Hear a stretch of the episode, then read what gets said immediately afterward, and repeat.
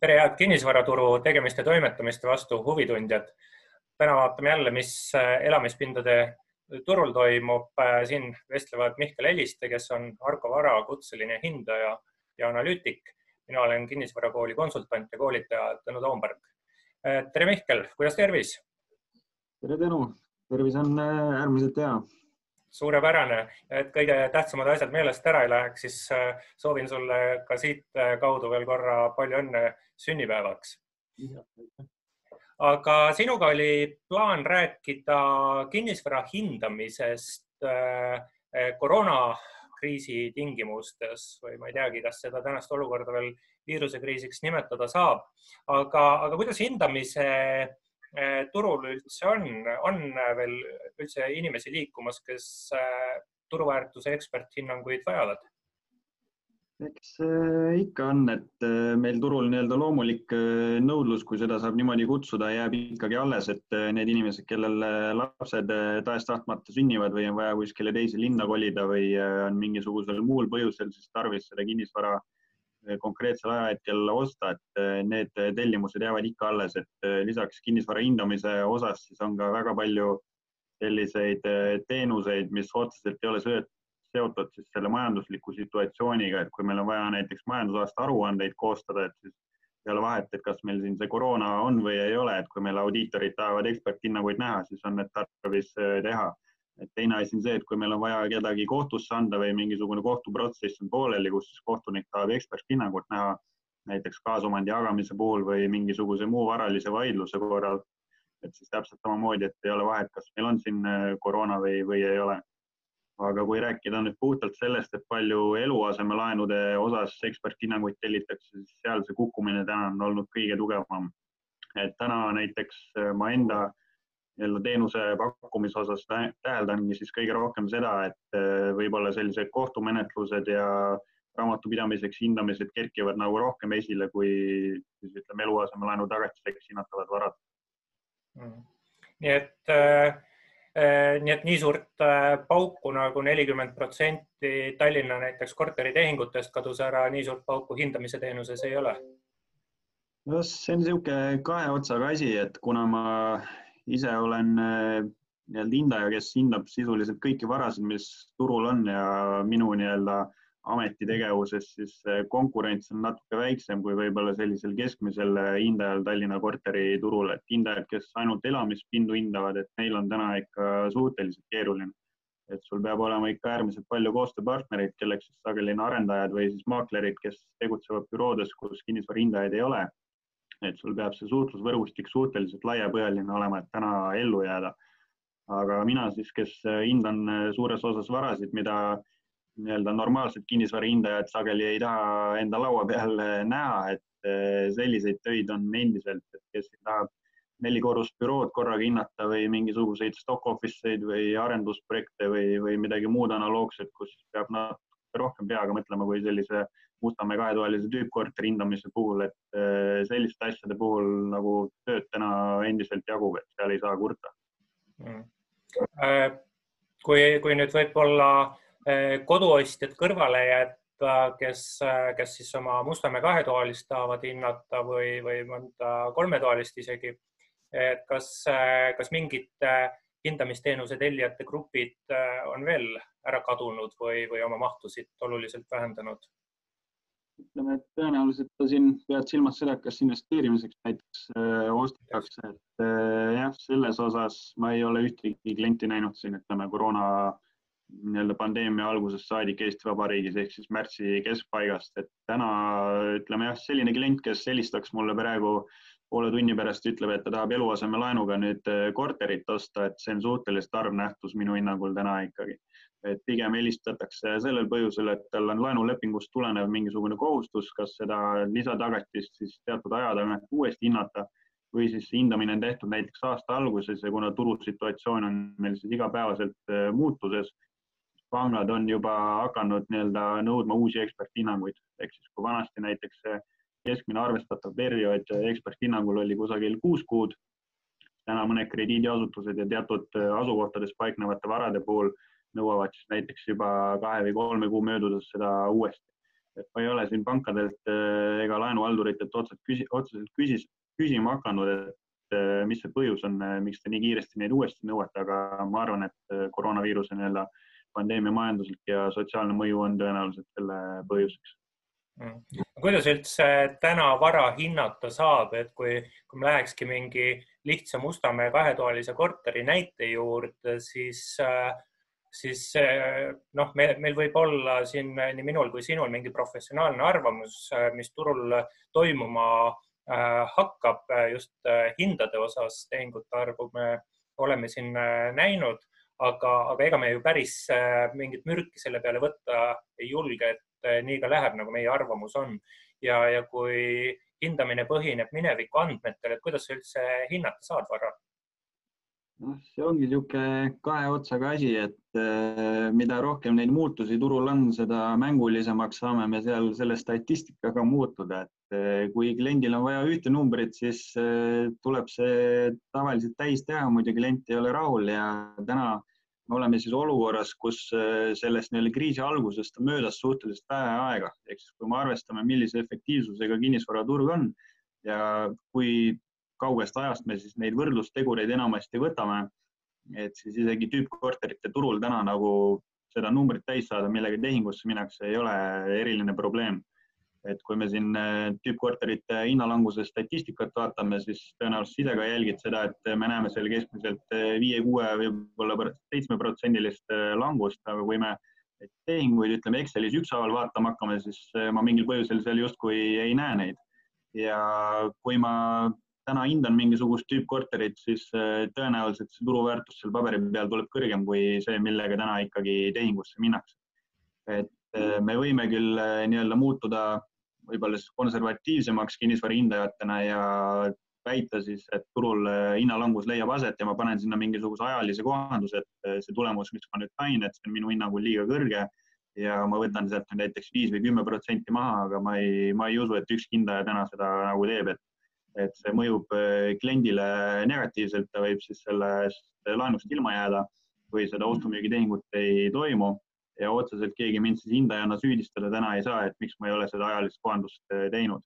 et tõenäoliselt me peame neid hakkama tegema siin kusagil alles äh, paari kuu mööduses, et sügisel või talvisel perioodil ma siin enam kaks tuhat kakskümmend jaanuarist neid tehinguid tõenäoliselt ei võta või siis kui võtan, siis ma peangi seal kaalutlema, et palju see hinnatase siis turul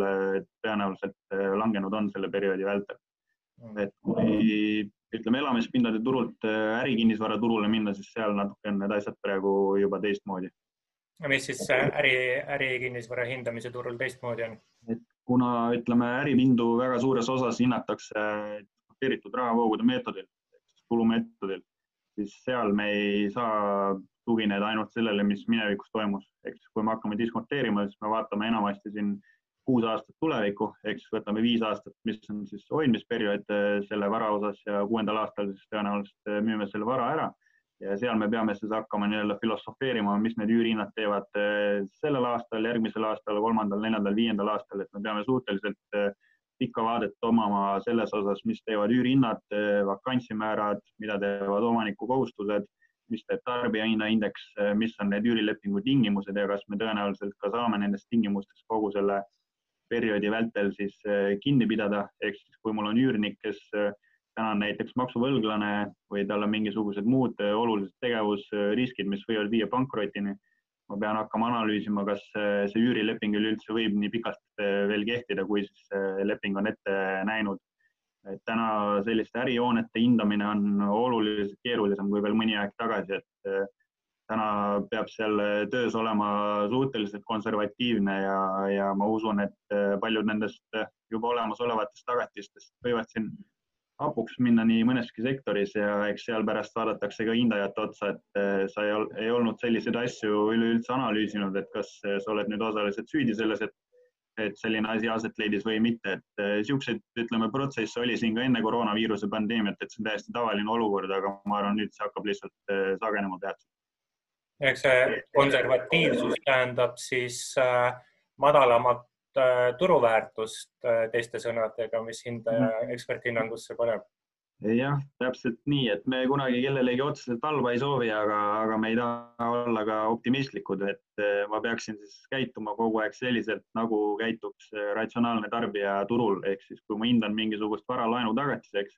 kõik need sisendid, mis ma seal kasutan, nii nende üürihindade kui vakantsimäärade ja kapitalisatsiooni ja diskontomäärade osas, et neid kõiki peaks siis ratsionaalselt käituv tarbija ka turul eh, nii-öelda käsitlema täpselt samasuguselt et noh, vaevalt, et nad seda selliselt eh, teevad, aga vähemalt teoorias see peaks niimoodi aset leidma. Mm. kas see nüüd tähendab seda, eh, et konservatiivsed hindajad annavad turuväärtuse ehk siis konservatiivselt ehk siis maakeeli lihtsa inimese keeles öeldes madalama kui tegelik väärtus. eks ärme nüüd väärtuste definitsioonide maailma lähe ja, ja tegel päris, päris elus hakkab siis vahe turuväärtuste ja tehinguhindade vahel kuidagi laiali, laiemaks venima.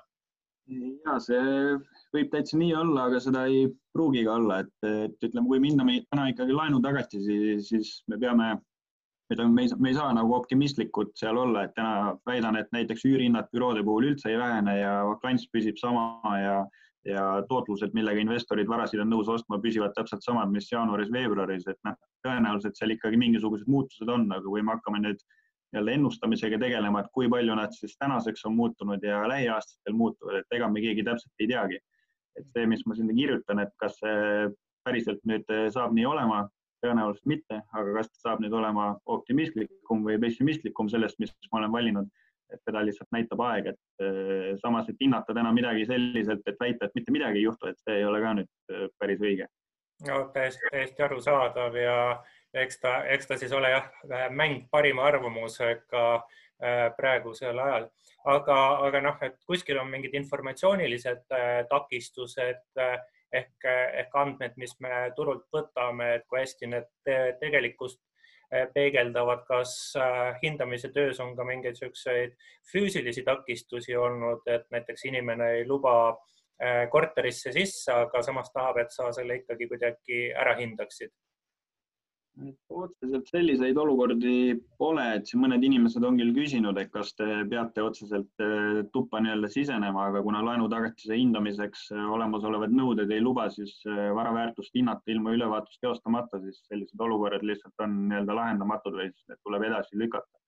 aga oleme siin näinud olukordi, kus inimesed korterite või majade puhul näiteks toovad võtmed kontorisse või jätavad võtmed ukse ette ja sa saad üksinda minna ja selle ülevaatuse ära teha, ilma et keegi seal kohapeal oleks ja kogu lisainformatsiooni, mis sul vaja on, selle saab alati meilitsi või telefonitsi kätte. aga need on pigem sellised erandid, et üldiselt mina ei ole siin viimase ütleme kahe kuu vältel näinud äh, inimesi, kes nüüd hirmsasti koroonat kardaksid, et kes omale skafandri selga paneksid, kui kinnisvara hindaja külla tuleb, et äh, sellist asja ei ole, et inimesed käituvad ikkagi suhteliselt ratsionaalselt et kui kinnisvarast on jutt, siis äh, hirmud, hirmud kaovad. aga kui mõelda nüüd äh, tulla turu, turu juurde, kinnisvaraturu juurde, äh, et võib-olla läheks natuke sellise jälle mõttemängude maailma, et mis sa arvad, millist tüüpi varad saavad kõige suurema paugu siis selles, selles kriisis, kus me siis otsapidi võib-olla juba sees oleme mis kinnisvara hindamist puudutab, siis täna mul laua peal ühtegi sellist objekti sattunud ei ole, aga eks hotellid on tõenäoliselt selline varaklass, kus ma arvan, et see kahju täna on võib-olla, et isegi kõige suurem siiamaani. et täna pankade poolt on antud selge sõnum, et kui tuleb mõnda majutusotstarbelist vara hinnata, siis seda on targem mitte teha ehk siis me ei tea, mis tulevikus saab, et seal täpselt samamoodi, kui me hakkame nüüd selle opereerimislepingu või mingisuguse muu metoodilise käsitluse alusel seda vara tulumeetodil hindama, ehk siis hakkame seda täpselt sama diskonteerimist tegema, siis noh, kuidas see täituvus äh, hotellides aasta lõpus on, kuidas ta järgmine aasta on, et meil pole õrna aimugi et see, see ei ole kinnisvara hindamine, see on puhtalt kunst, et äh, mis, mis näitajad sinna keegi valib, et see ei põhine mitte mingisugusel finantsmajanduslikul analüüsil, et puhtalt ennustamine. ja täpselt samamoodi on, äh, ütleme siin vanalinna piirkonnas, minu hinnangul äripinnad, mis olid äh, orienteeritud ennekõike välisturistide tegevusele, et sealhulgas ka hulgaliselt Airbnb kortereid, et nende osas neid kellelegi müüa täna on ikka suhteliselt keeruline ja restoranid on siin järjest uksi kinni pannud, et eh, uusi üürnikke sinna samasuguse üürihinnaga tõenäoliselt lähiajal ei leia. mõned julged küll on siin hakanud uusi ettevõtteid looma, et endised töötajad näiteks paljudes restoranides või kohvikutes on üürilepingud üle võtnud mingisugustel soodsamatel tingimustel ja soovivad seda tegevust jätkata. aga üldiselt vanalinn on täna minu hinnangul ikkagi suhteliselt kehvas olukorras, et niikaua kuni meil kruiisilaevad sadamasse ei tule ja lennukid samas mahus ei lenda nagu varasemalt, siis see ütleme, äriotstarbeline kinnisvara on vanalinnas väga tugevalt pihta saanud. et mis neid Airbnb kortereid puudutab, siis seal õnneks keegi tulumeetodil reeglina neid ei hinda. et seal me kasutame sedasama võrdlusmeetodit, ehk siis me ikkagi väidame, et seda vara parim kasutus on siiski näiteks eluotstarbeline kasutus, mitte siis majutusteenuse osutamine. et seal see, et majutusturg ära kukkunud on otseselt kuidagi matemaatikas nii-öelda ta täna ei kajastu mis sest, et tegelikkuses siis eh, need isikud on sellest väga tugevalt puudutatud, kes selle majutusteenuse pakkumisega varasemalt eh, tegutsesid. Mm. aga kas, eh, kui kõige rohkem saavad pihta, siis vanalinna, ütleme, äripinnad ja, ja, ja majutusäri ehk hotellid eelkõige, siis mis sinu hinnangul on need varad, mis praeguses äh, kriisis kõige vähem võiksid äh, puudutatud saama, mille just turuväärtus kõige vähem puudutatud saab? ma arvan ennekõike sellised varad, kus on pikaajaline tähtajaline üürileping mingisuguse üürnikuga, kes on, ütleme, suhteliselt madala tegevus- ja pankrotiriskiga, eks kui me võtame näiteks ärihooned, mis on koormatud üürilepingutega näiteks avaliku sektori üürniku kasuks, et seal ma ei näe täna, et eh, mingisuguseid olulisi muutusi aset leiaksid. isikud, kellel sellised investeeringud on, on täna suhteliselt heas positsioonis. et oleme siin kriisi ajal isegi Narva linnas näiteks hinnanud eh, avaliku sektori üürilepingutega koormatud varasid, et et seal me võime küll väita, et jah, need üürihinnad langevad, vakants hakkab turul kasvama, aga kui sul on leping, mida ei saa enne tähtaegselt lõpetada ja üürnikuks on äh, avaliku sektori esindaja, kelle suhtes äh, pankrotirisk on äh, olematu, et siis turusituatsiooni muutus selle üürilepingu järele jäänud kehtivuse aegselt, siis mingisugust olulist mõju tõenäoliselt seal ei oma. no ma võin sul kinnitada, et võib inimestevahelistesse suhetesse küll mõju omada, sest ega riigiasutused võivad ka ju vähemalt nõuda vaatamata lepingule üürileandjalt äh, soodsamat üürihinda, et kui igal pool üürid kukuvad, siis miks, äh, miks ei peaks äh, neil kukkuma, aga noh, et see on see asi, kus siis tunded ja, ja mõistus kokku võib-olla päris hästi ei saa ja leping, eks võib igasuguseid asju ette näha, aga küsida võib ikka kõike. aga, aga kui nüüd võib-olla juttu hakata lõpupoole tüürima, siis mis sa arvad, et kas kinnisvaraturu vaatest, kinnisvara maailma vaatest, kinnisvara hindamise vaatest on nüüd koroona tõttu maailm täiesti teistsugune eh, koht ja kõik asjad eh, hakkavad toimuma meil kuidagi teistmoodi või, või mis? pigem ma ei, ma ei usu seda, et ma arvan, siin aasta-kaks ja Eesti Vabariigi puhul väga paljud, kui mitte enamus, ütleme, asjad on samasugused, nagu nad olid vanasti, et et kui me vaatame Hiina näitel, seal neid viiruskolleid on ajalooliselt olnud äh, oluliselt rohkem kui praegune koroonaviiruse pandeemia, et äh, ka seal mingisuguseid arvestatavaid muutusi see kaasa ei ole toonud, et me võime siin globaalselt küll vaadata, milliseid uudiseid kirjutatakse, äh, nii-öelda apokalüptilisi uudiseid kirjutatakse igal pool, et mis see kõik kaasa toob, aga noh, ma ei, ma ei usu enamikesse sellistesse asjadesse, et et üks megatrend, mis võib murduda Aasias näiteks on siis sama mikrokorterite senine buum ehk siis äh, kui meil on nii-öelda Hongkongis seal circa kaheksa ruutmeetrised korterid või isegi puurisüsteemi kasutati paljudes kohtades, mis näeb ikka suhteliselt õudne välja, et seal see viiruse levik või igasuguste muude haiguste levik selle probleemse hügieeni tõttu on äh, suhteliselt nii-öelda laialdane tekkima. et seal võib-olla avalik sektor tõmbab mingisugust pidurit, et selliseid projekte ei või enam nii palju teha aga noh, kas see päriselt aset leiab, eks, eks näitab aeg, aga Eesti mõistes ma ei, ma ei usu, et see mingisuguseid olulisi muutusi kaasa toob, et kui me kaubanduskeskustes äh, näeme desinfitseerimispudeleid kuskil äh, seinte küljes äh, ka nii-öelda lähiaastatel, et ma arvan, see on võib-olla niisugune ainuke muutus, mis võib aset leida, et iseenesest see on täiesti tervitatav lähenemine, et paljudes kohtades võib-olla seda kasutati juba varasemalt. et jah, samamoodi on nende igasuguste digilukkudega, et inimesed ei puutuks üksteisega kokku uutes arendustes, et jah, neid võidakse siin lähiaastatel võib-olla integreerida uutesse projektidesse, aga ma ei usu, et see nüüd mingisugune oluline müügiargument on, et, et oluliselt edukam arendusprojekt oleks kui mõned teised turul, et ma arvan, see kõik äh, möödub, et meedia on selle koroonaviiruse pandeemia lihtsalt nii hüsteeriliselt üle võimendanud, et tuleks käituda natuke ratsionaalsemalt. et kasvõi fakt, et ma ei, ma ei ole seda kuigi kontrollinud, aga väidetakse, et keskmine koroonaviirusesse surnu on vanem, kui on keskmine oodatav eluiga, et et see ütleb iseenesest minu hinnangul üsna palju. jah, et äh, jah, et eks need äh, muutused, mis tulevad, et igasugused äh, kaugjuhitavad juurdepääsud, need on teatud mõttes nii, nii ehk naa juba turule järjest enam ja enam tulemas ja mitte alati sellepärast, et ma tahaks mingile üürnikule juurdepääsu anda, aga, aga miks mul peab olema neli võtit, kui mul võib olla üks mingi juurdepääsukood või noh, või neli koodi siis endale, abikaasale ja lastele näiteks, et mm, -hmm. et, et kogu see, see areng on liikunud nii ehk naa samas suunas, võib-olla saab natuke äh, hoogu juurde. -hmm. aga, aga veel lõpetuseks küsiks äh,, oled sa siis äh, just äh, eelkõige siis mingist kinnisvara